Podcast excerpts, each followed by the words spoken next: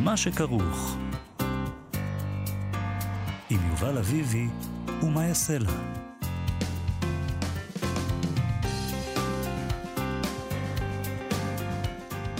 שלום, צהריים טובים, אנחנו מה שכרוך, מגזין הספרות היומי בכאן תרבות, מאיה סלע ויובל אביבי ב-104.9, 105.3 FM.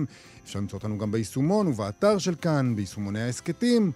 איתנו באולפן מפיקת התוכנית תמר בנימין, על הביצוע הטכני מיכאל אולשוונג. שלום, לך, שלום לכם, ושלום גם לך, מאיה סלע. שלום יובל, אביבי, אתה... אנחנו כולנו מכירים את האנשים האלה שיוצאים בסופי שבוע, נוסעים ברכבי שטח, ארבע על ארבע. תחביב, אני, אני לא זוכרת בילדותי שהיו אנשים עם ג'יפים. אה, זה היה מין דבר שרואים בסרטים. היו, אבל משוגעים לדבר כאלה. לא באזורים, נגיד, אה, פריפריה עירונית שאני גרתי בה. אה, אני מניחה שאנשים שגרו בערבה, או אני לא יודעת מה, היה להם כן, ג'יפים. אנשים שהיו צריכים את זה. קיצור, היום לכולם יש ג'יפים, גם בעיר, זה ממש עניין כזה שזה סמל סטטוס כנראה, אבל זה גם תחביב. אלה שבאמת משתמשים ברכבי שטח, זה תחביב שהלך ונעשה נפוץ יותר ויותר בישראל בעשורים האחרונים, ואני חושבת שאפשר לומר שהוא תפס, תפס תאוצה בשנתיים האחרונות, שבהן היה קשה יותר לנסוע לארצות אחרות, ואנשים היו צריכים uh, למצוא פתרונות לתחושת המחנק. וכשאני אומרת אנשים, אני בעיקר מתכוונת לגברים, נדמה לי. ואפילו, שזה לא יהיה טעות לומר. אפילו גברים מסוג מסוים, או, נגיד. טוב, דוקטור אסף חזני, שהוא הרופא המומחה שלנו לסיפור הזה, אה, הוא ג'יפאי, אה, הוא לא רופא, אבל הוא אנתרופולוג, הוא חוקר סוגיות של ביטחון לאומי ומתמקד בסוגיות של עיצוב ותנועה במרחב. הוא חקר את התופעה הזאת של אנשים שעושים טיולי שטח, אה, ג'יפאים, הוא קורא לזה, והוא מצא בה את אחד הייצוגים המזוקקים של הישראליות היהודית העכשווית. ייצוג שמשלב צרכנות וראווה עם לאומיות. שזה אנחנו, זה יופי, זה מקסים. מבחינתי, זהו. זה... אז תודה אני, רבה ושלום. אני כבר מסכים איתו, זהו, סגרנו. אז אנחנו נדבר איתו היום על הספר שהוא כתב על כל הדבר הזה. לספר קוראים קניון עזאזל, ג'יפאות, צרכנות ולאומיות בספר המדבר. אה, נשמע ממנו, על מה מדובר כאן? מי, מי, מי הם האנשים האלה? מי אנחנו? האם הם מייצגים לא גם אותי? זה האלה. מה שאני רוצה לדעת. אותך כן. אותי לא בטוח. לפי דעתי, הוא, הוא, יש רק, זאת אומרת, בעיקר גברים פה בסיפור הזה, ולכן שם, אני יכולה שם, לחמוק מהדבר הזה. יש שם פרק על נשים שמדבר על נכון. כמה מעט נשים יש שם. נכון. Uh, אתה יודע, יש כאלה נשים שעושות uh, מלכת המדבר וכל מיני דברים כאלה. נכון. אני גם ארצה לשאול אותו, האם כל העסק הזה, אני מבינה שזה מייצג את כל הדברים האלה, סוגיות, סוגיות של גבריות וצרכנות וזה, אבל האם גם יש כאן מימד של משבר גיל? כי גם הוא כותב ש... זה גיל מסוים, זה נכון. אנשים לא צעירים עושים את זה. אבל הקטע הוא גם שזה עניין כלכלי. זה בדיוק כמובן. הקטע. אתה, אתה, כשאתה צעיר... וכשיש לך כסף לג'יפ... כשיש לך כסף, אתה עושה את זה. אוקיי. אמ, אבל uh, בכלל, זה מאוד מאוד מעניין, כי את יודעת. אני לא מהצד, אני לא אנתרופולוג, רק למתבונן מהצד, זה לא רק נראה גברי מאוד, התחביב הזה, זה נראה תחביב כמעט אלים. אתה יוצא לשטח, אתה כובש אותו. טוב, אולי זה בדיוק uh, מה שאנחנו עושים. אה, טוב, אני לא יודעת, אה, כאילו, למה, אה, כן, אלים? טוב, כן. אנחנו אלימים. הם גם תמיד, אתה רואה אותם... אתה נוסע פה בכביש ואתה לא מרגיש שהכל אלים. אבל פה בכביש זה, זה מוסדר, האלימות ככה היא מוסדרת 아, שם. אה, כשזה מוסדר זה בדיוק, מרגיע. זה נעים לי. כן. אז uh, בשטח, והוא בטח, בטח יתנגד, הוא יגיד שרובם אנשים טובים וזה וזה, אבל תמיד אתה חושב לעצמך, הם נוסעים על המסלול, אבל מה קורה אם המסלול פתאום לא מתאים להם? אז הם יורדים לשטח, הם יכולים לרדת לשטח, ופשוט לעשות מה שהם רוצים, לעלות על, אה, על אבל שדות. אבל מעניין אותי גם ההבדל, כי אנחנו מדברים על ג'יפאים, אבל יש גם uh, רוכבי אופנועים שעושים את כל נכון, התעלולים האלה. טרקטורונים. נכון, ואופניים גם. אופניים. ואופניים, אנחנו כאילו אוהבים אותם יותר, כי הם חמודים כאלה, כי הם משתמשים... אני לא יודעת, אני לא יודעת. מי זה אנחנו? אני לא יודעת אה, מה... אני, אני ואת. אה, אנחנו, יש לנו... אנחנו הקולקטיבי, שהוא אנחנו. הבנתי. לא יודעת, לא יודעת לגבי זה. אני עוד מעט אשאל את... גם הייתי מסתייג במקומך, אבל. אני אשאל את אסף חזני, שיסביר לנו מה זה כל אחד, ואז אני אחליט את מי אני אוהבת. אה, אנחנו נדבר היום גם עם... שלומית עוזיאל שלנו בפינתה מוציאה לשון, שבה היא מדברת איתנו על ענייני לשון בספרות. נכון. אה, נגיע גם לזה. אבל לפני כל אלה, כן. יש פתרון. אולי. לתעלומה שהציקה לנו ודיברנו עליה כאן כמה פעמים בתוכנית, הונאת הרשת המתוחכמת שהפילה בפח מו"לים וסופרים מכל העולם. אפילו זיו לואיס מנהל רכש החוץ בהוצאת כנרת זמורה אה, דביר, שלנו, הישראלית, כן, אה, סיפר על כך. אה, לאחרונה הסופר ניצן וייסמן סיפר על כך בסטטוס בפייסבוק שקראנו כאן. ההונאה הזאת שהולכת איתנו כבר כמה שנים. שווה להזכיר, מסיבה שאף פעם לא הבנו, מישהו היה יוצר קשר וירטואלי עם כותבים וכותבות ואנשי הוצאות שונים, וסוכנים ועורכים ו- וכולם, ממש מכל העולם גם, משכנע אותם לשלוח לו כתבי יד שטרם פורסמו, תוך שליטה מוחלטת בשפה, בז'רגון, במונחים מנהגים של עולם הספרות, תוך כדי התחזות לכל מיני דמויות מפתח בעולם הספרות, ואנשים רבים נפלו בפח ושלחו לו את כתבי היד שלהם, ולא כל כך ברור מה הוא הרוויח, הנוכל הזה. אז uh, ייתכן שה-FBI עשה סוף לדבר הזה. Uh, בניו יורק טיימס דיווחו שהם עצרו אדם שחשוד שעמד מאחורי ההונאה הזאת, קוראים לו פיליפו ברנרדיני. אזרח איטלקי בן 29, שעובד כמתאם זכויות באחת ההוצאות הגדולות בעולם, בסיימון אנד שוסטר, זה לא צחוק. חושדים בו שהוא ניהל את מערך ההונאות המתוחכם הזה לאורך חמש שנים, אולי יותר, קיבל לידיו במרמה מאות כתבי יד לפני פרסומם.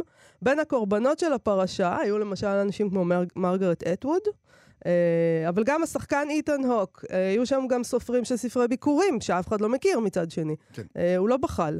פיליפו ברנר... ברנרדיני נעצר בשדה התעופה JFK, והוא מואשם בהונאת רשת ובגניבת זהות. פרשה מסירה. מדהים, לא, גם זה שעצרו אותו בשדה תעופה, זה אדיר, כי כאילו... עכשיו, יכול להיות שהוא סתם היה ב-JFK, התכוון לנסוע להורים שלו בנפולי, סתם, לא יודעת, ברומא, ו... או הנה.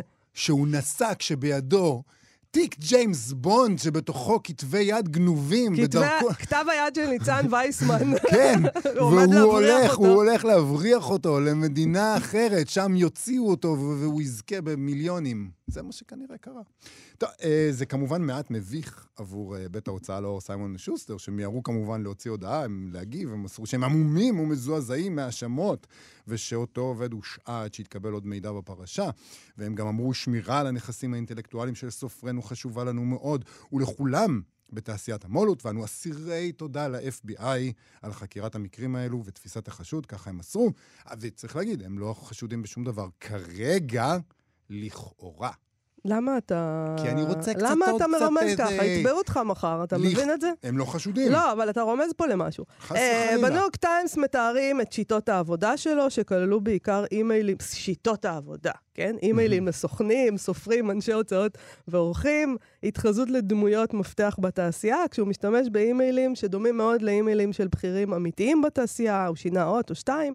הוא השתמש בשפה שלהם, למשל, הוא ידע לכתוב MS, שזה קיצור ל manuscript. אה, אתה יודע, הייתה לו שליטה והבנה בעצם של המסלול שעושה ספר מהמחשב של הסופר ועד לחנויות. ב-FBI אספו כ-160 דומיינים באינטרנט ששימשו אותו ליצירת כתובות האימייל. הוא יצר גם עמודי כניסה מזויפים, דומים לאלה של סוכנויות, שבאמצעותם הוא הצליח להיכנס לאתרים ולמאגרי המידע של הסוכנויות. עכשיו... לא כזה מתוחכם, הוא פשוט מתוך, הוא בן אדם מתוך התעשייה, אז הוא יודע מה צריך לעשות. נגיד אם אני הייתי צריכה לעשות את זה. אני חושבת שגם טכנית לא הייתי מצליחה, כי אני לא יודעת, אבל כאילו, לא, מה, אני מבינה איך זה עובד, לא, אני מכירה את האנשים. ליצור עמודי כניסה מזויפים, זה הונאת פישינג... זה הטכנית שהתכוונתי אליו, כלומר, אני לא יודעת ליצור עמודי כניסה מזויפים, אבל לדעת ש-MS זה מניוסקריפט, נו, בסדר.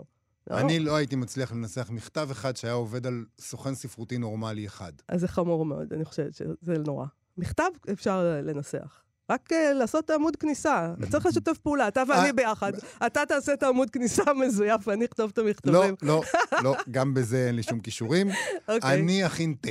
טוב, אנחנו נמשיך לשבת לבוא לפה בבוקר. אני אכין תה ונמצא איזה איש טכני ש... אבל את יודעת, עכשיו שאנחנו סגרנו את הפינה הזאת ויש לנו הונאת רשת תפורה למידותינו, מה יצא לנו מזה? מה יצא לו מזה? בדיוק. אוקיי. לא יודעים. גם בניו יורק טיימס יודעים שכתבי היד שהוא הצליח לגנוב, הם מציינים את זה שם, הם לא הופיעו בשוק השחור, למשל. יש שוק שחור לכתבי יד, בדארק ווב. אני לא יודע מה זה בדיוק, אבל לא, הם לא הופיעו שם. לא היו דרישות כופר, וכתב האישום לא מפרט מה היה המניע לכל מערך ה... לא כתב האישום, מה שהם חושדים בו, לא, לא מפרט מה היה המניע לכל מערך ההונאה הזה. אמ, אבל בכירים אומרים שכל הגנבות האלה יצרו אצלו איזה מאגר מידע שכל מי שמתעסק במולות היה שמח לשים עליו יד. טוב, אבל הוא בוא... לא הציע אותו לאף אחד. אז בוא נראה מי הבחור הזה. בכתבה שם מסופר שהוא לא השאיר הרבה סימנים ברשת, יש לו פרופיל לינקדין, שם הוא מתאר את עצמו כבעל אובססיה למילה הכתובה ולשפות, אכן אובססיה. לפי הפרופיל הזה יש לו תואר ראשון בסינית מאוניברסיטה איטלקית, והוא תרגם ממואר של סופר קומיק סיני. דווקא נשמע לי בחור מדליק. Uh, כתוב שם גם שיש לו תואר שני בהוצאה לאור. זה בהנחה שזה נכון. כמובן, בהנחה אחד... שהכל נכון. כאילו, אתה יודע, תואר ראשון סיני מאוניברסיטה איטלקית, זה נשמע קצת כן. מפוקפק, אבל זה, למה זהו. לא בעצם? לא, בגלל שזה נשמע מפוקפק, אולי זה נכון. נכון. כאילו, מי היה ממציא דבר כזה? Uh, בסדר. את, תקשיבי, זה סיפור ממש טוב. סיפור טוב בעיניי. Uh, לא מעודד פשע, חס וחלילה, אבל זה סיפור טוב, ואני כבר מחכה לזה שהוא יכתוב ספר בכלא, אם החשדות יתבררו כנכונים כמובן, הוא חף מפשע עד שהוכחה אשמתו. טוב, אני בכל מקרה, גם אם הוא אשם, אה, נגד שהוא יישב בכלא, אני גם לא... אני באמת שאני לא מבינה את חדוות הכליאה שיש היום לאנשים. אה, יכול להיות שהבן אדם הזה, אה, יש לי הצעה פשוטה, לא מתוחכמת. הוא סתם קלפטומן. ההגדרה של קלפטומניה, הלכתי לבדוק, מדובר כאן בהפרעה נפשית. שמתאפיינת בגניבה אובססיבית של חפצים שונים, גם חפצים שאין שום תועלת לחולה בגנבתם. בוויקיפדיה הסבירו לי שמקור המונח ביוונית, קלפטו, אני גונב, פירושו שיגעון הגניבה. ההפרעה הזאת מאופיינת בחוסר יכולת להתנגד לדחף לגנוב. אה, למרבה הפלא, גנבת החפצים אינה נעשית לצורך שימושו האישי של הקלפטומן, או למטרות רווח כלכלי, ולאחר הגניבה החולה אוגר או מוסר אותם. אה, בדרך כלל אין שותפים, יש לזה כמה קווים, אז אין שותפים לעניין הזה, כי זו מופרעות פרטית כזאת. אה, ויש קלפטומנים שתמיד גונבים את אותו החפץ, אה, לא תמיד. אני חושבת שאם הייתי עורך דין של הבחורצ'יק הזה, הייתי הולכת אל קלפטומניה. אה, אני כנראה, אני באופי שלי, אני סנגורית, אין מה לעשות. הבחור הזה לא מסוכן לחברה בשום אופן, והגיע הזמן שהיא תמצא, אנחנו, החברה, תמצא דרכים יותר הומניות להעניש את החוטאים שלא מסוכנים לה. ברצינות. מה זה לא מסוכן? לא מסוכן, הוא לא מסוכן, הוא לא עשה שום דבר מסוכן, והוא גם לא עשה שום נזק. הוא, הוא לקח את הדברים האלה, הוא לא השתמש בהם, הוא לא מכר אותם, הוא לא, הוא לא עשה, הוא שם את זה במגירה, אה, בכספת, לא יודעת איפה הוא שם את זה. הם אומרים בעצמם שהוא לא מכר את זה, והוא לא עשה בזה שום שימוש. הם לא יודעים עדיין. כבר, מה, אתם, מה יוצא לכם מזה שאתם שמים כל כך הרבה אנשים בכלא? מה, מה ההנאה הגדולה מזה?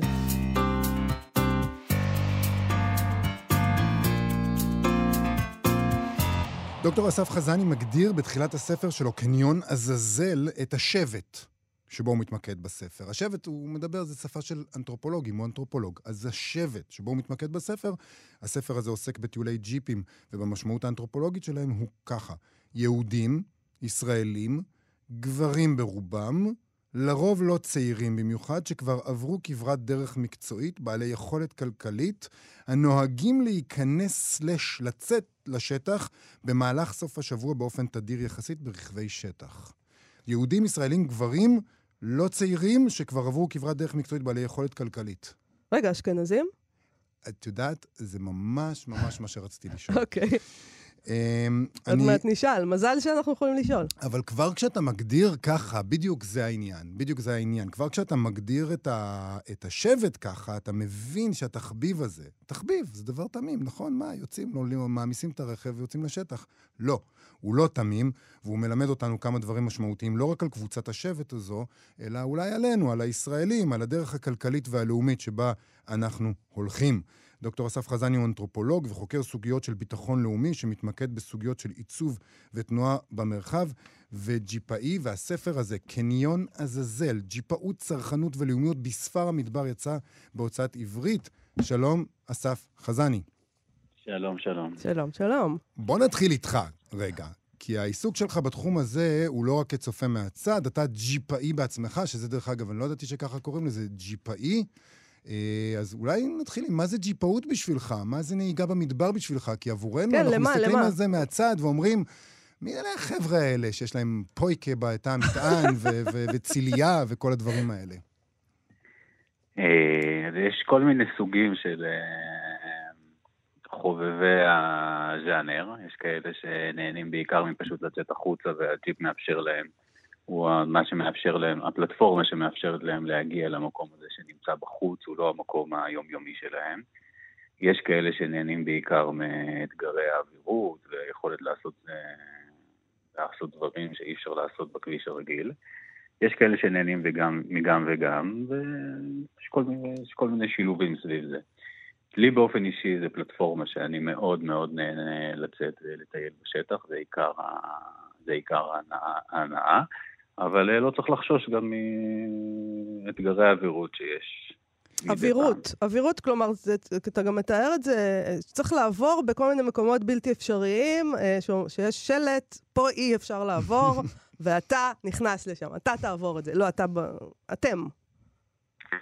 אה, אז זה מבחן כזה של גבריות, זה הסיפור פה? אה, אם יש פה עניין של גבריות ונשיות, אני משוכנע, משוכנע שיש, למרות, שבה, למרות שבספר אני מציין שזה עניין בעיקר, זה עניין בעיקר גברי, אני מציין שיש, שזה שווה, אני, אני גם מראיין כל מיני נשים ש, וגברים שפוגשים נשים שנוהגות על רכבי שטח, אבל אני באמת חושב שבהיבט הזה, בהיבט הזה אה, ראוי, ראוי ונכון להקדיש ספר בנפרד על על, על המגדר בהיבט הזה. אני פחות התמקדתי בו, בין השאר כי הייתי קצת עיוור לזה, לסיפור המגדרי, ועד שמישהו במהלך השהות בשדה לא נתן איזו הערה אה, תוך כדי שתיית קפה על איזה הר שטיפסנו עליו, ואז הוא אמר בסוף, איפה כל הבנות? הוא אמר, לא, לא, הוא אמר משהו אחר, שתינו קפה, וכמובן דיברנו על צבא ועל ניווטים ועל תרגילים וכל מיני כאלה. ואז אמר אחד הבחורים בהתרסה, טוב, בואו נדבר על הריון. ואז, ואז הסתכלו עליו באיזה מבט משתאה, ואני הבנתי מיד מה, כאילו, הבנתי בדיעבד, הייתי חלק מאותה שיחה גברית במהותה. ואז שאלתי אותו אחרי זה למה, הוא אמר, תשמע, נמאס לי כל הזמן מדברים על הדברים האלה, וזה, זה... ואז הבנתי כמה אני עיוור לתחום הזה. אז סימנתי את התחום הזה בספר, אבל אני באמת חושב שראוי שלא אני זה שידבר עליו. אני יכול להגיד עליו כמה מילים, אבל... אז, אבל, אבל באופן עקרוני, כאילו, כשאתם נוסעים אה, לטיולים האלה, או כשהאנשים האלה נוסעים לטיולים האלה, כאנתרופולוג, מה שאתה רואה, זה לא טיול משפחות. זה לא הגבר בא עם אשתו והילדים, או רק עם אשתו, זה, זה רק גברים. לא, לא, לא, לא. יש גם וגם. זה גם עניין תלוי של גיל, זה גם תלוי גילאים, זה תלוי גילאים ומצב משפחתי. זוגות צעירים שמטופלים בילדים נורא נורא קטנים זה לא, לא לעניין. אה, זה נכון שיש רוב גברי, אין, אה, אין שאלה בעניין, אבל יש לא יותר מדי, אבל בפירוש, אבל יש כאלה שיוצאים עם, ה, עם ילד אה, תורן שעדיין מסכים לבוא, עם בת זוג שעדיין בעניין. טוב, זה מסע חניכה שצריך להעביר גם את הילד. ודאי. נגיד שהוא בן 16, הוא גם צריך ללמוד... למי יורישו את הג'יפ? הוא צריך ללמוד לעשות מדורה ולהכין קפה שחור. חזק. כן, מה שצריך להגיד זה שלא כל המשפחה משתפת פעולה עם הדבר הזה. אוקיי, רגע, ורק אה, לפני שאנחנו ממשיכים, אה, שאלנו את עצמנו אם מדובר כאן ברוב של אשכנזים, האם בדקת את זה? אה, אחד, לא בדקתי את זה, אבל ממש לא. אוקיי. זה לא, זה, זאת אומרת, מהתצפית שלי, וחשבתי על, השאל, וחשבתי על השאלה הזו כשכתבתי את, ה, ש, את השורות ש, שהקראתם בהתחלה, אז לא יכולתי להגיד שזה עניין אשכנזי בהכרח. תשמע, אמ, אנחנו ככה מסתכלים על זה מהצד, וכמובן שלכל אחד מאיתנו יש לנו איזה מין דימוי של מי הוא האיש הזה, הגבר הזה שיוצא לשטח על הג'יפ שלו. אבל אני רוצה רגע ל- ללכת למסקנות שלך בספר. כי אתה, אתה מדבר באופן כללי, אתה מתאר מה זה להיות בג'יפ, אתה מתאר כל מיני התנהגויות, אתה מתאר את המעבר ממפה מסוג אחד למפה מסוג אחר, ל-GPS, לאפליקציות ניווט. וכל הדברים האלה בעצם, נדמה לי, משמשים אותך כדי להגיע לסוף לאיזושהי מסקנה לגבי האופן שבו אנחנו כלומר, הג'יפאים האלה מבטאים איזשהו יחס שלנו כלפי המרחב, ולא רק יחס, אלא יצירה של המרחב. וזה מגיע למקומות אפילו די אבסורדים בספר שלך, אה, כמו בתיאורי הטיולים, שמגיעים לאיזה אתר שבכלל לא רוצים להגיע אליו ושאין בו עניין, אבל יצרו את העניין הזה בשביל הג'יפאים, ואז כל הישראלים באים אחרת. באר מיוחדת שנוצרה לפני שנתיים. כן, שהיא מתוארת כאילו היא, היא, היא נחברה לפני uh, מאות ואלפי שנים, אבל בעצם עשו אותה לפני כמה שנים uh, ספורות. ואני רוצה לדבר איתך רגע על מה זה המרחב הזה. המרחב הזה שאתה מתאר אותו, הכריכה האחורית מתארת אותו כמרחב ש, של אה, צרכנות וראווה לצד שאיפות לאומיות. כן, אה, אה, אוקיי. אז אני התמקדתי בספר באזור שנקרא ספר המדבר, כי ג'יפאים מטיילים בהרבה מקומות, ברמת הגולן, באזור הכרמל, בערבה. אני התמקדתי באזור מדבר יהודה הצפוני בעיקר. וגם אני אענה רגע באופן עקיף, אבל שתהיה תשובה שלמה יותר. אה, במובן הזה ספר המדבר הוא גם בהיבט האקלימי-גיאוגרפי שלו, כך הוא מכונה, ספר המדבר, אבל גם במובן של ספר של אה, מקום שאינו בה, של, של uh, כמו עיירת ספר. כן. מרחב סיפי כזה, לימינלי. ובמקום הזה, ההתנהגות, ש... ההתנהגות שאני זיהיתי זה ש... אותם אה, ג'יפאים צורכים במובן של אה, צריכה, כמו שצורכים פנאי, צורכים מרחב, אז גם צורכים את המרחב וגם אה, מנכסים אותו ומייצרים עליו בעלות, כי אם אנחנו צרכנו את זה רכשנו במרכאות או השקענו בזה, אז זה שלנו ואנחנו יכולים לעשות בדברים האלה כבשלנו. אלו הג'יפאים, אבל בסמוך לג'יפאים יש גם כל מיני סוכנים בשטח שיש להם אג'נדות, בין אם זה סוכנים אה, שיש להם אג'נדה כלכלית, שאנשים יצאו לטייל ואפשר יהיה להוציא טיולים, ואנשים ירכשו כל מיני דברים שישדרגו את הג'יפ וימשיכו לצרוך את זה עוד ועוד, ובין אם זה סוכנים שיש להם אינטרס על, המר... על המרחב, לא, לא משנה מאיזה צד פוליטי בהיבט הזה. רגע, אבל אני, אני, אני רוצה להבין, כאילו, העניין הזה של... יכול, יכול להיות שזה ככה בכל מדינה, זאת אומרת שאנשים, נקרא להם ג'יפאים, הם באים, הם כובשים את השטח, הם נוסעים בו, והם מרגישים שזה שלהם. האם אתה חושב שזה דבר מיוחד לנו, הישראלים? היהודים, אתה גם אומר, אני... ישראלים יהודים. כן, כי אני, אני גם מתאר בספר את, ה, את, את, את חוסר ההצלחה שלי לטייל עם ידיד, אה, ידיד ערבי. כל פעם קבענו וכל פעם לא, וכל פעם לא, משום מה כל פעם לא הצלחנו, אבל אתה מבין שאחרי ארבע, חמש פעמים, חמש פעמים שלא מצליחים, זה כנראה, זו כנראה שיטה. אז לא... למה? מה, מה השיטה? מה, למה, למה, זה, למה לא הצלחתם, לדעתך? כי יש משהו שמייצר איזה סוג של אינטימיות ביציאה לשטח, סוג של איזה דיבור, אה, שיחת נפש כזו, אה, ובד... וזה, וזו פעילות חברתית גם. זאת אומרת, אם עושים את... אם... תכף אני אגיד למה לא הצלחנו ספציפית במקרה, אבל אני אגיד רגע את התופעה הכללית. יש משהו שהוא קבוצתי, והקבוצה יושבת ו... וכאילו בקפה, מדברים לתוך ה... או לתוך הלילה, או לתוך הנפש, או גם וגם. אה, כנראה בקבוצה מעורבת זה פחות עובד. אי אפשר לדבר על מילואים, זה פחות אה, אסתטי, לדבר על מה עשינו במילואים. או שחס כן. וחלילה יתחילו להתווכח למי השטח שייך. כן, נכון.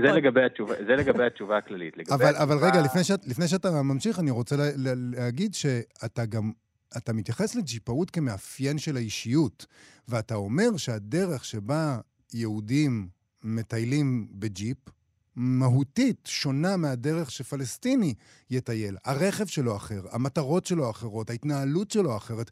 זה בעצם איזושהי, אה, איזשהו דימוי של שני העמים האלה, איך אנחנו עושים דברים. כן, אבל הייתי, אני, אני רגע, שנייה רגע אחזור לעניין הקודם, כי אני רוצה להכניס גם את הממד הצרכני שבעניין. אה, בין השאר גם החוסר היכולת לטייל עם אותו חבר עבורי שתיארתי ש, שלא הצליח, זה בין השאר כי זה בין, זה בין צווארון כחול לצווארון לבן. כן. אה, הזמן הפנוי, הזמן הפנוי שיש לו זה, זמן, זה לא הזמן הפנוי שיש לי, שיש לי לטייל. ואני חושב שזה לא רק המקרה האישי שלי בהיבט הזה. אז אה, זה לגבי הדבר הזה. לגבי איך צורכים את השטח בין שני עמים, אני הייתי מעדיף פחות להיכנס לדבר הזה כרגע. אה, אבל רק נגיד שמי שחי שם, יש הבדל בין מי ש... מגיע כאורח לשטח והוא פחות מכיר אותו ולכן גם כדאי שיהיה לו רכב שיודע לנסוע היטב במקומות שהוא לא מכיר ויש להם אתגרי אווירות לבין מי שגר בשטח ומכיר כמעט כל אבן שם. ואנחנו מתפלאים על כל הסובארואים והרכבים הרגילים שנוסעים שם אבל בסך הכל דיברתי פעם עם אה, בדואי במדבר שם, בקנאה גדולה אמרתי לו איזה יופי תשמע אני פה עם ג'יפ נוסע ו... ומצליח לעבור, ואתה פה נוסע כאילו בלי, עם, עם הרכב הנמוך שלך, בלי שום שלך. בעיה. כן. אז הוא הסתכל עליי באיזה אה, חיוך חצי עצוב, ואמר לי, אני מקנא בך, אתה נוסע איפה שאתה רוצה, אני, זה הכביש היחיד שאני נוסע בו לעבודה, וחוזר לעבודה, לא חוזר. אתה חושב שאני אני מכיר אותו בעל פה, אבל uh, מה שזוכר שזה היה לי כזה, וואו, צודק. כן. אני רוצה לשאול אותך, כי יש גם המון אה, אופנוענים בשטח, אה, יש דבר כזה, אנשים שנוסעים אופנועים בסופי שבוע, ויש אופניים. מה ההבדל... מה ההבדל בין הקבוצות האלה? אתם נתקלים אחד בשני? אתם, יש איבה בין, ה, בין האנשים האלה? לא, לא, לא. אה, קודם כל יש גם תאונות בשטח, ואנשים נתקעים אחד בשני, Mm. ואתה מסיים, אה, יש דברים לא נעימים בשטח, אבל אין איבה, אבל אני נאמן ל... אנתרופולוגים נורא אוהבים לחקור יחסי שארות, לפחות אנתרופולוגים של פעם. אה, אז אני אומר שהדודים והבני דודים זה האופניים וההולכים ברגל, זה יחסי השארות, אבל אני פחות, אני התמקדתי בג'יפאים, ואני אציין את ההבדל המהותי. ההבדל המהותי הוא שמי שיוצא עם הג'יפ לשטח הוא יוצא עם חדר נייד. הוא יכול לשים עליו מה שהוא רוצה פחות או יותר. כן. אוכל, לחמם את האוכל מחומם, אה, אוהל, מלא דברים. עכשיו, האם אי אפשר לעשות את זה על אופניים? כנראה פחות, אתה צריך שמישהו יביא לך לנקודת, ה... לחניון הלילה את הדברים. האם אי אפשר על אופנוע? אפשר. אה, בלאגן, יותר קשה. ה- יש איזו תחושה שאותם האלה שיוצאים עם הג'יפים, כאילו, עם הבית הנודד שלהם הם יכולים לצאת. אה, אבל כשאתה על אופנוע. אתה יותר קל. אני מדמיינת לעצמי שעל אופנוע אתה מרגיש הרבה יותר חופשי, איזי ריידר כזה. אתה נוסע, אתה כאילו אחד עם המדבר. קודם כל אני חושב שאנשים מצליחים לחוש את זה גם, גם על הג'יפ, ואני גם רוכב אופניים, אז אני... קיצור, זה ספק. הרומנטיקה, שאני מתייחסת לזה בצורה רומנטית, אני מגזימה קצת. אבל אין, ספק, אין ספק שזה ניתן, אבל אני חושב שלמשל ביום חם, אז אה, לא מעט כן, זה פחות. ייסעו, עם אה, חלון סגור ומזגן דלוק, והאופנוען יזיע. כן, באוגוסט זה אה, פחות עובד, הרומנטיקה הזאת שלי. תגיד, אני חייב לשאול אותך, אבל על ה... כן. על ה- אתה יודע, אתה לא רק, אה, לא רק אנתרופולוג, אתה חלק מהקבוצה הזו, ואני חייב להגיד שהמסקנה, לפחות עבור הקורא שאני מהספר שלך, היא לא מחמיאה במיוחד. זה נותן את הרושם שבגדול להיות אה, ג'יפאי זוטר, אה, זוטר. זה משול ל- להצבת קניון באמצע המדבר. איזה סוג של בעלות צרכנית שכזאת, שילוב של בעלות לאומית עם צרכנות וראווה. ואתה אומר, החבר'ה האלה באים עם ה-GPS הזה שהפך את זה, לא ה-GPS, האפליקציות שהפכו את זה, בעצם את האווירות הזאת להרבה יותר נפוצה, לאנשים שזה לא, שהם לא ג'יפאים טהורים כאלה, זו התחושה שלי, אני לא עשיתי את זה אף פעם. ובעצם אתה, זה, זה נוצר, יוצר איזו תחושה לא מאוד מחמיאה של החבר'ה שאתה שייך אליהם. הם נעלבים אולי. אה, קודם כל יכול להיות שאני אני אנסה, אני אנסה לדבר על זה בעדינות מ- מטבע, לא, לא יודע אם מטבע הדברים, אני רוצה להגיד את זה בעדינות. אחד, יש פה משהו לא מחמיא, אני חושב שהפרק הראשון והפרק האחרון לא הכי מחמיאים. הפרק הראשון מתאר איך הומצא חג שלא היה קיים, כי היה צורך באטרקציה. כן. אה, וזה חג של. זה פשוט, אה, זה פשוט טקס שהומצא, טקס שהיה קיים מאות בשנים, אני מדבר על הדלקת הנרות במרסבה, כן. שהיא מאות בשנים, אבל היא מעולם לא הייתה שכל, ה... שכל הוואדי שם אה, מואר, וזה משהו שפחות או יותר אה, כעשר ומשהו שנים, כאילו זה כלום, זה מתחיל. זה... וגם הנזירים, אתה מתאר, אה, ב- במקום ו- הזה, לא ואני- מתלהבים. מה זה לא מתלהבים? ו- הם אפילו לא אלה והנזירים שעושים את זה. הנזירים לא רק שהם לא מתלהבים, הם, הם, הם מצרים על כך. גם באותה כתבה שעושה דני קושמרו ב-2000 ומשהו, תכף אני זוכר בשנה בדיוק, אז הם אומרים, אנחנו לא מתים על זה, וגם כשאני דיברתי איתם, בהתחלה הם לא רצו לדבר איתי, שזה סיפור מעניין איך הם הסכימו לדבר איתי. אני ניסיתי כמה פעמים לדבר איתם, רציתי לדעת את החוויה שלהם, כאלה שבאים להסתכל עליהם. ולא הצלחתי לדבר איתם, לא הצלחתי לדבר עם השומר, עד שקיבלתי יום אחד טלפון מהשומר. הוא אומר לי, תגיד לי, אתה זה שנפל לו הרחפן? אני אומר לו, מה? צריך, להכיר, צריך להבין למי שלא יודע, למי שמקשיב ולא יודע, יש, כאילו, יש איזו מרפסת כזו שנקראת, באמצע יש ואדי, ואז יש את המנזר. כן. והרבה מטיילים מטיסים את הרחפנים מעל המנזר ובתוך המנזר. אז הוא התקשר לשאול אותי אם אני זה שהפי, שנפל לו הרחפן כי הוא מצא, כי הוא הרים את הרחפן. אמרתי לו, תשמע, זה לא אני, אבל אם כבר מדברים, בוא נדבר. Mm. ואז הבנתי שיש תופעה כזו של רחפנים שנופלים שם. מאוד מציק. אה, ואז הצלחתי לדבר עם הנזירים, והם אמרו, תראה, 90% מהמטיילים הכל בסדר, אבל 10% האלה שמטיסים את הרחפנים בינות, לבת... בינות לביתנים שלנו, ומאירים אלינו בלייזר ירוק בתוך, באמצע הלילה, זה לא לעניין. זה מחריד, מה זה לא לעניין? זה, זה ממש נורא ואיום. כאילו, גם יש איזה. עניין כזה שאם אתה רוצה את המדבר ואתה אוהב את המדבר, אה, אז אתה רוצה שהוא יישאר כמו שהוא. זאת אומרת, אתה לא רוצה שיבנו לך את הקניון הזה, ואתה לא רוצה להפריע. אבל זה בדיוק מה אנחנו- שקורה כשתופעה הופכת להיות נחלת הכלל בעזרת אה, ג'יפים טובים יותר ואמצעים טכנולוגיים, ואז לא רק אנשים שחשים את המדבר מגיעים, מגיעים כולם. אתם לחלוטין צודקים, והתופעה הזו הועצמה בשנתיים האחרונות בעידן הקורונה. כן. אה, שהיא בכלל הפכה להיות, אה, זאת אומרת, הקניון בכלל, אה, היא עוצמה במובן הזה שיש רכישה של הרבה יותר רכבי שטח, היא עוצמה במובן הזה שיש עכשיו הרבה יותר סוכנים, שבמובן הזה אנשים שמוציאים טיולים ויש להם קהל גדול, שהוא קהל שאינו מנוסה, ואז הוא מגיע אליהם והם נוסעים ומסבירים לו על המקום, וזה באמת, יש תחושה של קצת של קניון בהיבט הזה. דוקטור אסף חזני, נגענו על קצה המזלג אה, בסוגיות שאתה אה, מעלה בספר המעניין הזה, קניון עזאזל, ג'יפאות, צרכנות ולאומיות בספר המדבר, יצא בהוצאת עברית. תודה רבה לך על השיחה הזאת. אה, תודה לכם. להתראות. להתראות. עכשיו, מוציאה לשון. אנחנו מה שכרוך בכאן תרבות, יובל אביבי ומאיה סלע, מגזין הספרות היומי שלכם, ואנחנו עם פינתנו מוציאה לשון עם שלומית עוזיאל, אשת לשון ועורכת, שמדברת איתנו על סוגיות לשוניות מעניינות שמגיעות מהספרות. שלום שלומית עוזיאל. שלום, שלום. שלום אחות, אני צריכה לומר. אנחנו מדברים היום על, ה- על החיות, על אחות. אה, כן, אנחנו נתחיל את, ה... את השיחה שלנו על, אה, על האחות ועל החיות עם שיר. זה שיר שעדיין אה, לא ראה אור, וכתבה אותו סופרת הילדים והמו"לית ציפור פרומקין, ואני אקריא את השיר. בבקשה. אה, ראשי, ראשי, אומר אבי, הוא מוטל על מיטתו, לידו שולחן וכיסא ומנורת בית חולים בהירה. איה אשתי, הוא אומר, איה בניי, בתי. אין איש איתו זולת אחות, שאינה אחותו. אבי, אבי, לוחש ליבי, הלחישה מכבה את המנורה. זה, זה אם כך שיר של, של ציפור פרונקן, שהיא כאמור אה, סופרת, סופרת ילדים. סופרת, אחות- סופרת נהדרת, אני חייבת לומר. כמה מהספרים שלה זה ארוחת מלכים, בישמה גונבת את הגבול והספרייה הניידת ממריאה, ויחד עם המתרגמת לי עברון אה, הקימה את, ה, את ההוצאה הקטנטונת אה, צילי. נכון. אז יש נכון. לה אחות שאינה אחות, שם, בשיר.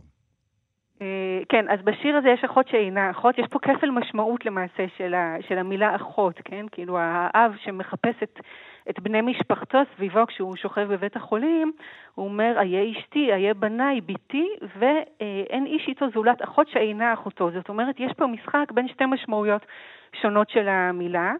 האחות במובן המשפחתי שלה, שיש לה אותם הורים, ואחות במובן המקצועי, מה שנקרא אחות רחמנייה. כן. אמ, והמילה אחות במובן המשפחתי מקורה כמובן כבר בתנ"ך, למשל אה, אברהם מבקש מאשתו היפה שרי להעמיד פנים שהיא אחותו, אה, ולעומת זאת המילה אחות במובן המקצועי, כמו מקצוע האחות אה, באופן כללי, היא יחסית חדשה.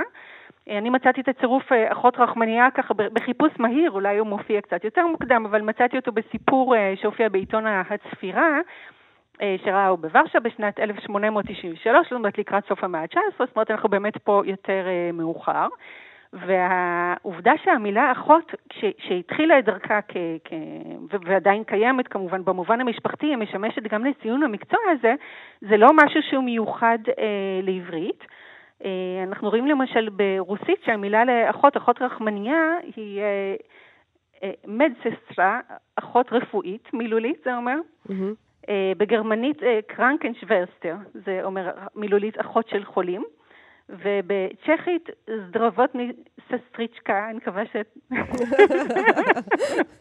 שזה, שזה מה אומר בצ'כית? ש, שזה אומר אחות בריאות מילולית. אה. ועכשיו, באנגלית, אפילו באנגלית, שהמילה העיקרית שמשמשת אה, לומר אחות רחמנייה היא כמובן nurse, שהמקור שלה הוא אחר, היא קרובה ל-to nurture ו-to nourish, אבל אה, אפילו באנגלית אה, קיימת המילה sister במשמעות של אחות, אחות רחמנייה, בעיקר באנגלית בריטית, לרוב זה אחראית מחלקה.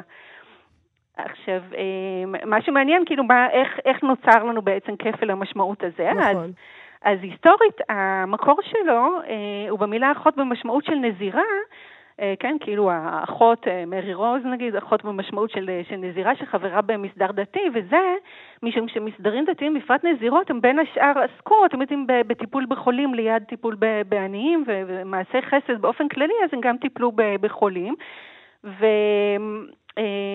באמת אחות זה נזירה, כמו שאנחנו אומרים, או אומרים אב מנזר, אם מנזר, וגם אח במובן נזיר, חבר במסדר דתי, באמת נזירות מילאו תפקיד חשוב בדבר הזה, היו מה, מה, טיפלו בחולים והיו מהאחיות הראשונות, ולמעשה מהעשייה שלהם נולד אה, מקצוע האחות. אם אנחנו נסתכל למשל על מלחמת קרים, שהיא מילאה תפקיד חשוב בהיסטוריה של מקצוע הסיעוד, אז ממש היו שם כמה מסדרים של נזירות אחיות שטיפלו בפצועים הרבים מאוד ש, ש, שהיו שם, Daughters of Charity של וינסנט דה פול טיפלו בפצועים הצרפתים, ופלורנס נייטינגל שהגיעה נכון. עם משלחת של אחיות, הגיעה עם, אה, בין השאר, לא רק, אבל הייתה שם קבוצה של אחיות ממסדר Sisters of Mercy, אחיות הרחמים, ו,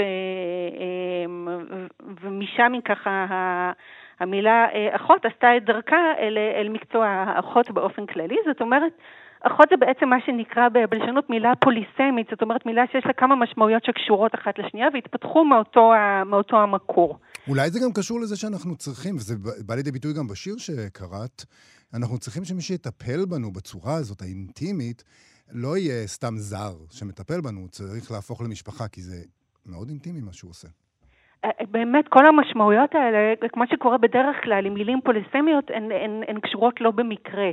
זאת אומרת, כולן, גם, גם, גם ההסתכלות, כאילו כשאנחנו, כשאומרים אב מנזר, אם מנזר, אחות ואח, ההסתכלות היא על, ה, על המסדר הדתי כמו על, כמו על משפחה, וה, ובאמת העשייה הזאת של הטיפול, אה, כמו בהרבה מקצועות טיפוליים, רואים אותה כמשהו אינטימי שהוא לא, שהוא לא, גם כשמדברים על מקצוע אחד, שהוא לא רק בכסף, אלא שהוא, שהוא קשור לחמלה, קשור לחסד, ל, ל, לטיפול אה, ול, ולקרבה, כן. אז מאוד מעניין שבעצם אה, באיזשהו אופן הנוצרים הביאו לנו את הרעיון הזה של אחות במובן המטפל.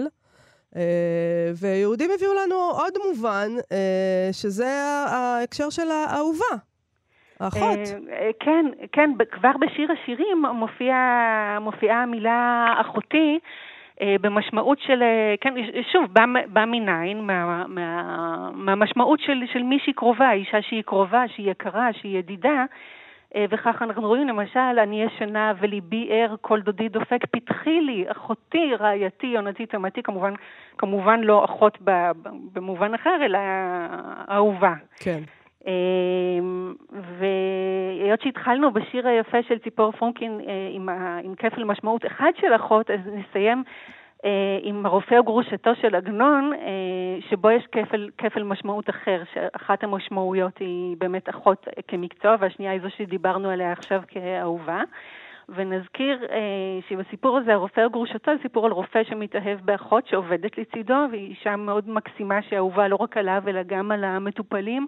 ועל כל אנשי הצוות, והרופא נושא את האחות לאישה, אבל בסופו של דבר הם מתגרשים כי הוא, בגלל קנאה, הוא מקנא לה בגלל אהוב שהיה לה בעבר והוא לא יכול להתגבר על זה. אה, והסיפור הזה של עגנון מסיים במשפט, במשפט הזה, פעמים בלילה זוקף אני עצמי ממיטתי כאותם החולים שטיפלה בהם, ומושיט את שתי ידיי וקורא, אחות, אחות, בואי אצלי. נפלא, נפלא. אה, שלומית עוזיאל, אה, תודה רבה לך על אה, עוד פינה נפלאה של מוציאה לשון. תודה לכם, מה יביאו בה. להתראות. ביי ביי.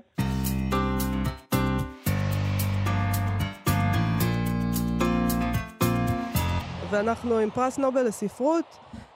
פרס נובל לספרות של 1971 ליתר דיוק, מדי שנה נחשפים המועמדים של הפרס לפני 50 שנה. כלומר, צריך 50 שנה שיעברו, במשך חצי מאה הדבר נשמר בסוד, הדיונים, מה היה מאחורי הקלעים, ומדי ינואר אנחנו מגלים את הסודות של עוד שנה בפרס, ועכשיו אנחנו מגלים שהמשורר הצ'יליאני, הצ'יליאני פבלו נרודה, שזכה בפרס באותה שנה, 1971, כמעט ולא זכה בפרס באותה שנה, אה, בגלל הדאגה של האקדמיה השוודית מנטיותיו הקומוניסטיות. כן, הם היו למשל מודאגים משיר שהוא כתב לסטלין. שם יש את השורות, להיות גבר, זהו הצו הסטליניסטי. עלינו ללמוד מסטלין. זה מה שאני תמיד אומרת לבת שלי, תקחי את זה כמו גבר. לא כמו סטלין, אבל כמו גבר. אולי, אולי תשפרי, אולי תגידי לה, תלמדי מסטלין. אה, יש, טוב, אני אחשוב על זה, אני אשקול. תשקלי. טוב, אה, הוא כתב את זה, אה, נרודה, אה, עם מותו של סטלין ב-1953, והם שם, באקדמיה השוודית, שאלו את עצמם כיצד זה מתיישב עם הציווי, יש צו סטליניסטי, אבל יש את הציווי של אלפרד נובל, להעניק את הפרס למי שיצירתו נעה בכיוון האידיאלי. נכון. אז היו, ולכאורה זה לא הכיוון האידיאלי. היו בוועדה, ב-1953, אני לא יודעת לגבי זה, אבל היו בוועדה מי ששיבחו את הכוח הפואטי, הטבעי והחיות הנמרצת של נרודה, אבל באותה נשימה הם תהו האם הנטייה הקומוניסטית הגוברת בשירתו תואמת למטרה של הנובל. נזכיר, נרודה היה גם פוליטיקאי ודיפלומט, איש שמאל, חבר קרוב של הנשיא הסוציאליסטי סלבדור איינדה, שהוא הודח בהפיכה צבאית אלימה. שבה אה, תפס פינושה את השלטון בצ'ילה, וימים ספורים אחריה הוא גם מת. נרודה. כן. אז כתבו עליו כבר ב-1963 באקדמיה השוודית, שאופן המחשבה של כותב, מרקסיסט, אנרכיסט או כל דבר אחר, הוא זכותו החופשית. כלומר, הוא היה מועמד כבר ב-63. אבל הם כתבו עליו, הוא עם זאת, מעורב פוליטית, גם בשיריו לסטלין ויצירות אחרות, שהן פרופוגנדה מוחלטת. את הדברים האלה כתב יושב ראש הוועדה, אנדרס אוסטרלינג, שהוא גם מתנגד נגיד אה, למועמדות של עזרא פאונד, שלדעתו מבטא, ככה זה ציטוט, מבטא רעיונות שבאופן מובהק מנוגדים לרוח הפרס, ולמועמדות של אה, סמואל בקט, כי הוא היה ניהליסט. בקט בסופו של דבר כן זכה ב-69, ונרודה כאמור ב-71. עזרא פאונד לא זכה מעולם. נכון. אז אני רוצה להגיד כזה דבר. אם אתה זוכר, אני חושבת שגם דיברנו על זה פה לא מעט בתוכנית, לגבי נרודה. אה, אני לא סתם אמרתי, הוא ימים ספורים אחרי המהפכה של פינושה הוא מת, אמרו שהוא מת מסרטן. לפני כמה שנים החליטו, היה כל השנים האלה אה, מחשבה שהוא לא מת מסרטן, שהם חיסלו אותו, מהמם. אה, הוציאו את עצמותיו מהקבר. אה, עשו לו פשוט כל מיני בדיקות. אה, הפ- הפעם האחרונה שאני זוכרת את הדיווח, אה, הוא, הוא אכן חוסל, הוא הורעל. הוא היה איש שמאל באיזה עולם שבו, נגיד, תחשוב על זה, עולם כזה שבו אתה צריך להיות או קומוניסט או פשיסט. ותבחר מה להיות. אה, טוב, היו 90 מועמדים אה, בשנת 71 בסך הכל, ברשימות שלפניהם. ביניהם היו כל מיני אנשים חשובים, כמו סול בלו וגינטר גראס, אה, שזכו בסופו של דבר בפרס אה, בשנים שלאחר מכן, וגם כאלה גדולים שלא זכו, כמו ג'יימס בולדווין ואודן וטנסי וויליאמס ורומן גרי ואריק קסטנר וארתור מילר ונבוקוב. וגם אלי ויזל, אה, שזכה בו, אבל פרס נובל לשלום הוא קיבל. נכון, לא, לא לא את לספרות. אה, פרס נובל לספרות. לרשימה הקצרה לצד נרודה, דיווחו בגרדיאן, היו, אה, נכנסו אודן ואנדרה מלרו, ואוג'ניה מונטלה ופטריק ווייט. אודן ומלרו לא זכו מעולם, השניים האחרים כן זכו. האישה היחידה, אני יודעת שזה מאוד חשוב לך, הנושא הזה. כן. אז האישה היחידה מתוך 90 המועמדים הייתה המשוררת האסטונית מארי אונדר, שכמובן לא זכתה. לא, היא לא זכתה, אבל... אה, מצחיק אותי שג'יימס בולדווין היה אה, בכלל, אה, היה שם ברשימות, כי מה הסיכוי שהם ייתנו לסופר שחור, מהפכני, איש הפנתרים השחורים, והומו, לזכות בפרס ב-1971. תשמעי, קלוש. כל, כל, ה, כל הדיבור הזה אה, מעורר את התחושה שיש המון המון שיקולים. טוב, אנחנו יודעים את זה. צריך להיות מאוד בחייך. מאוד תמים ברור. כדי להגיד משהו אחר, אבל יש עליהם כל מיני שיקולים שבינם לבין ספרות אה, אין הרבה דברים. אה, אנחנו רוצים לחשוב, נכון, שהנובל... אה, מוענק למי שהיצירה שלו מצדיקה אין את זה, דבר כזה בשום השאר פרס. פשוט אנחנו לא גם רוצים מתחשבים בו. לחשוב את זה על פרס ישראל למשל, ואז לוקחים אה, את הפרס, נותנים אותו לגולדרייך, פרופסור גולדרייך, ואז גם אה, גוזלים אותו ממנו בגלל דעותיו הפוליטיות. ככה זה בחיים, זה הכל. אני לא יודעת אם אנחנו צריכים להשלים עם זה, אבל מה אנחנו יכולים לעשות? נגיד, זה שהרגו, אה, זה שחיסלו את נרודה זה יותר חמור. אה, מלקחת פרס או לא לתת אותו. בהחלט. מה שלא יהיה. בהחלט. חיסול זה יותר uh, משמעותי מפרס כזה או אחר, אין ספק. ועם המסקנה הבאמת טאוטולוגית הזאת, אנחנו צריכים לסיים להיום. נגיד תודה לתמר בנימין ולמיכאל אולשוונג שהיו איתנו כאן באולפן, ונזמין אתכן לבקר בעמוד הפייסבוק שלנו וגם בעמוד הפייסבוק של כאן תרבות, ואנחנו נהיה פה שוב, מחר. להתראות.